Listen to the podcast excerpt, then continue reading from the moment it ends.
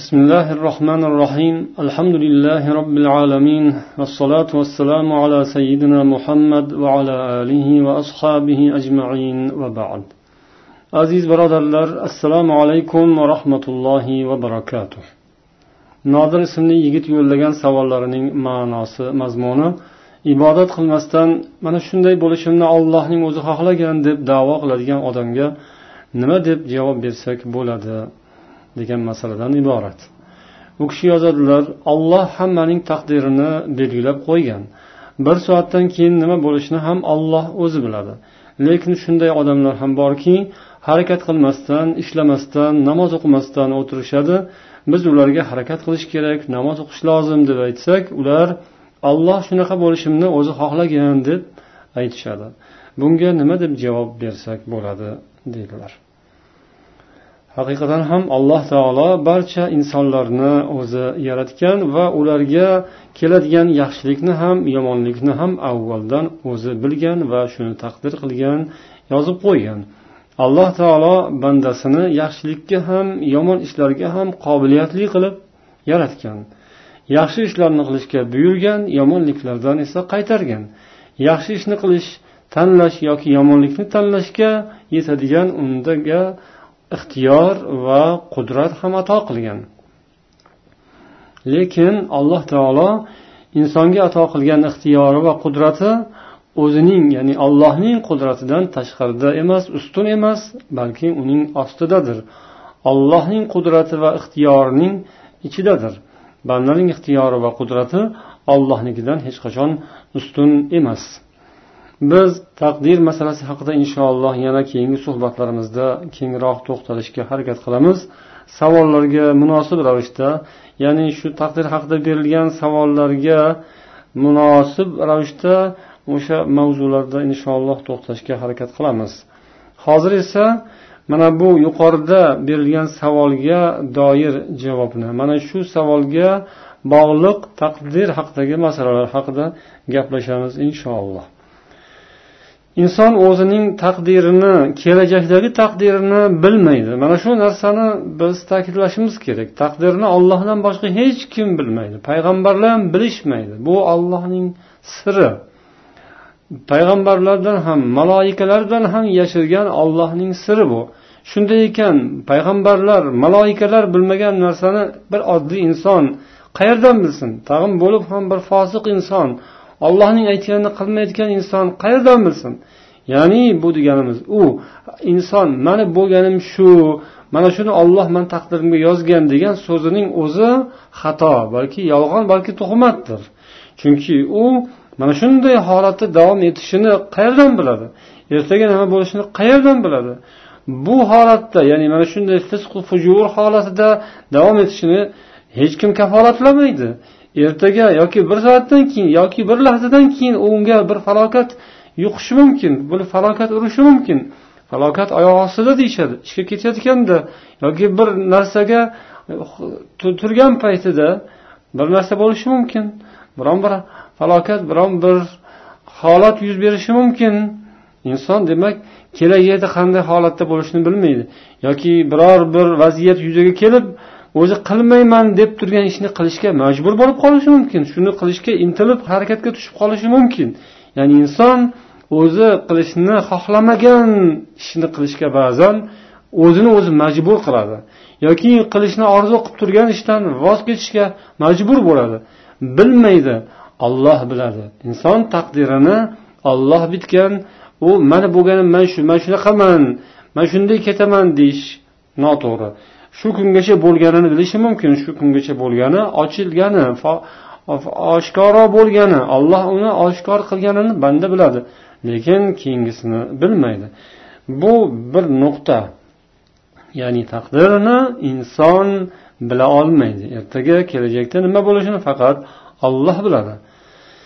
Endi shu masalaning davomi ana o'shanday kimsalar ya'ni man man shunday bo'lishimni olloh xohlagan deb gunoh ishlarni qiladigan qilaveradigan odamga aytilsaki siz mana shu qilgan gunohlaringiz uchun jahannamga tashlanasiz azoblanasiz olloh sizga jazo beradi deyilsa keyin u yana boshqa da'volarni ham chiqara boshlaydi. Nima uchun? Nima uchun? deb davo qilishga siz bilan talashishga o'tadi. U aytadiki bu olloh o'zi yozib qo'ygan bo'lsa taqdirga man uni qilgan bo'lsam mana shuni qilishga man majbur bo'lsam majburmanku olloh yozib qo'yganini qilgan bo'lamanku. Nimaga endi olloh mani yana jazolaydi o'zi yozib qo'yib o'zi jazolaydi degan davolarni qila boshlaydi. O'zini nihoyatda aqlli deb o'ylaydi.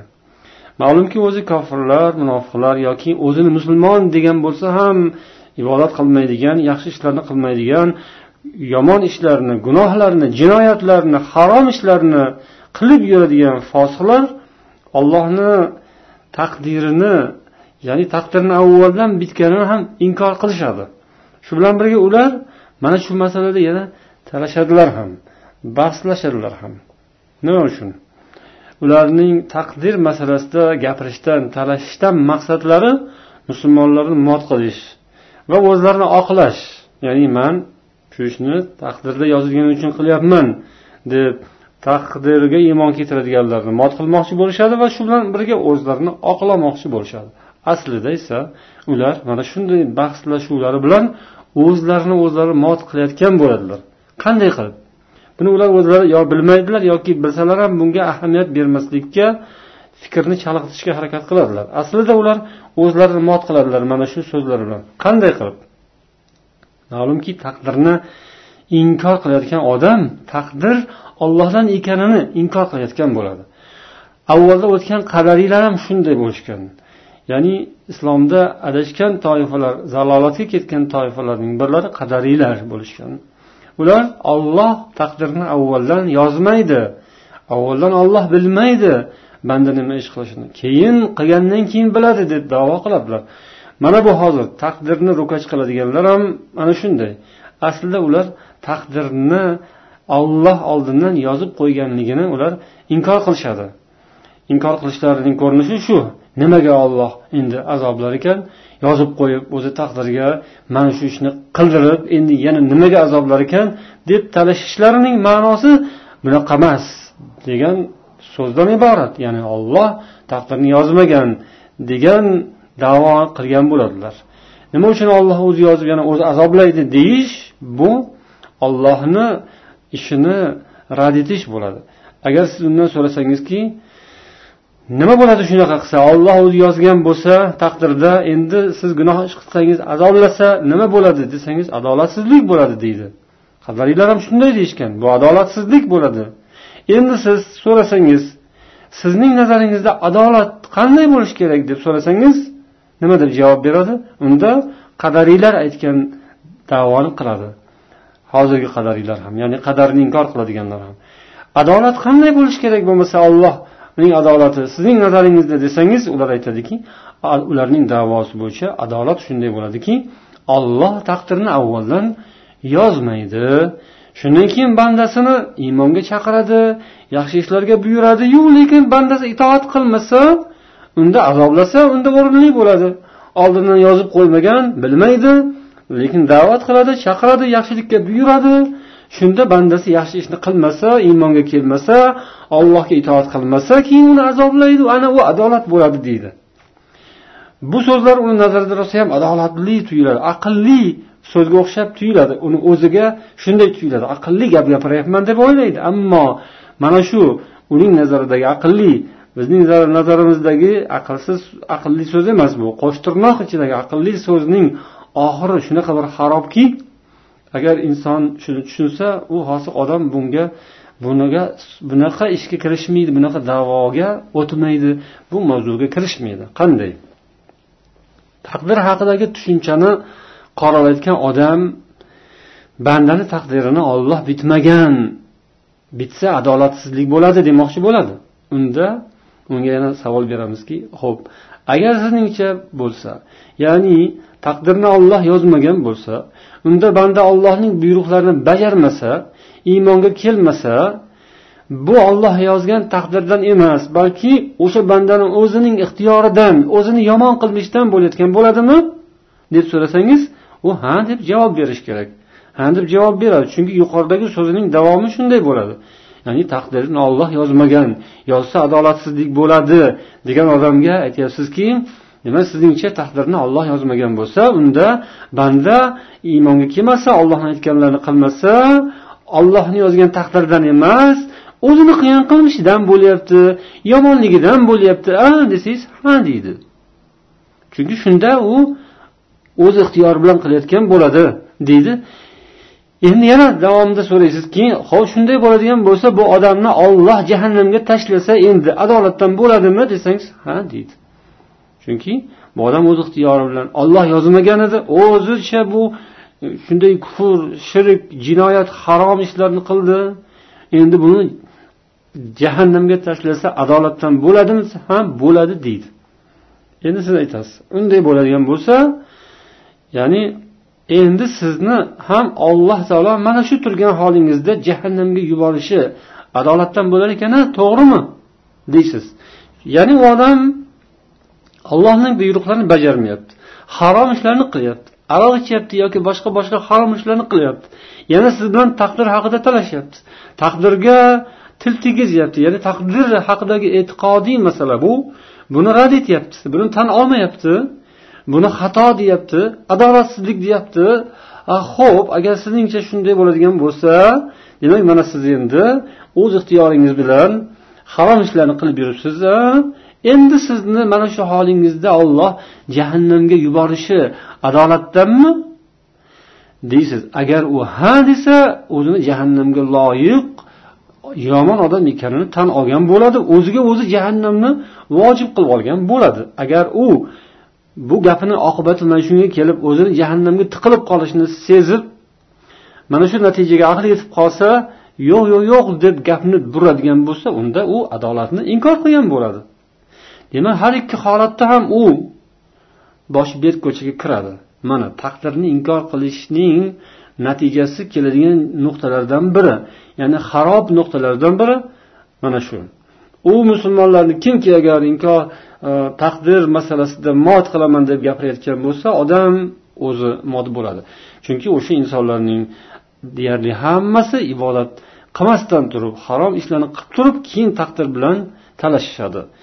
Ular o'zlarini o'zlari jahannamga olib kirib qo'yayotgan odamlar bo'lishadi. Endi mana shu masalada yana bir jihatiga e'tibor berish kerak. Masalani bu ham bir qiziq nuqta. Ya'ni nima uchun odamlar gunoh masalasida gunohga jazo masalasida taqdir bilan talashadilar taqdir masalasida talashadilar? Ya'ni nima uchun inson gunoh qilsa olloh nega uni jazolash kerak? Taqdirda yozib qo'ygan o'zi endi buni inson qilsa nimaga uni jazolash kerak? deb shunday gunohlar masalasida taqdirda talashadi taqdir masalasida talashadi odamlar. Ammo savob masalasida talashmaydi. Qiziq. Buni o'ylab ko'ring. Nima uchun olloh jannatga kiritar ekan deb talashmaydi? Nima uchun olloh mukofot berar ekan deb talashmaydi? Nima uchun olloh jazolar ekan deb talashadi? Sababi nima? Haqiqatan qarang savobli ish qilsa mukofot olishga intiladi odam. Rahmat deyishingizni istaydi. Yaxshilik qilsa yu siz rahmat demasangiz yaxshilikni bilmasangiz sizdan xafa bo'ladi. Ammo hech qachon nima uchun siz menga rahmat aytyapsiz a buni olloh yozgan. Ollohga ayting rahmatni demaydi. Agar yaxshilik ham axir yaxshilik ham yomonlik ham ollohdanku taqdir masalasi shunday. Ya'ni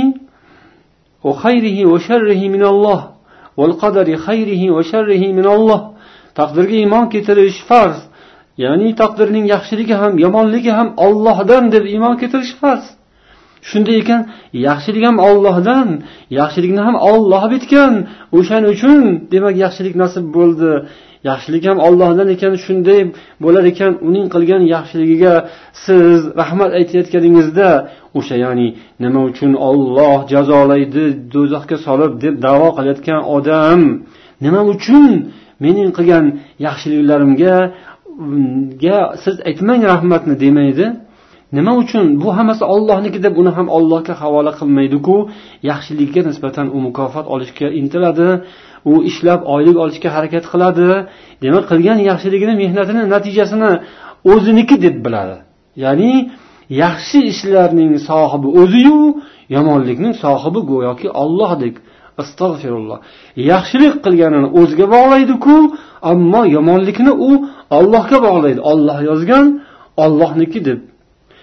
Nima uchun u odam menga olloh bu savobni nega beryapti nega mani jannatga kiritarkan man unga loyiq emasmanku demayapti? Man jahannamga loyiq emasmanku deb davo qiladi lekin nima uchun men jannatga loyiq emasman deb aytmaydi? Chunki bu yaxshi amalni o'zimni amalim deb bilyapti. Xuddin badnafs qarang adolat talab qiladi yana. Adolat talab qilgan odam nafsi yaxshi ko'radigan ishi ustiga kelganda adolatni esdan chiqaradi.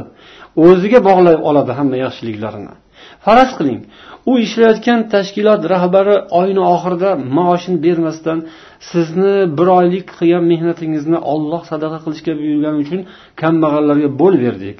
Sizni mehnat qilib shuncha pul ishlashingizni olloh taqdiringizga yozgan ekan. Bu pullar endi demak ollohniki shuning uchun hamma pullarni ishlagan pullaringizni hammasini olloh yo'liga ishlatib yubordik. Desangiz nima bo'ladi? Qarang u qilgan yo'q bu mani ishim e siz haqingiz yo'q bunaqa qilishga deb sizni sudga bermoqchi bo'ladi. O'sha oyligini bermaganni sudga bermoqchi bo'ladi. Talashadi. Bu mani qilgan yaxshiliklarim. Buni mukofotini man olaman deydi.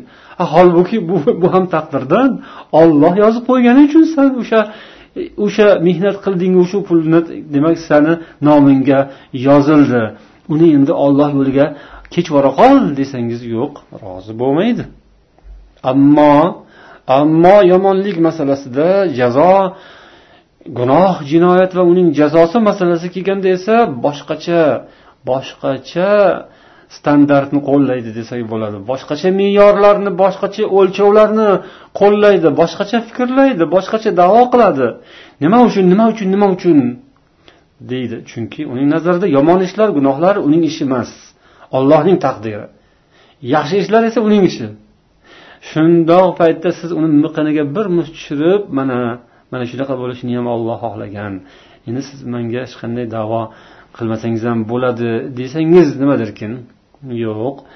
Siz sizga ham u aytadigan so'zi bo'ladi. Demak siz unga noto'g'ri ish qildingiz nohaq qildingiz ish qildingiz uni og'ritdingiz unga ozor yetkazdingiz. Siz unga jazo siz unga javob berishingiz kerak.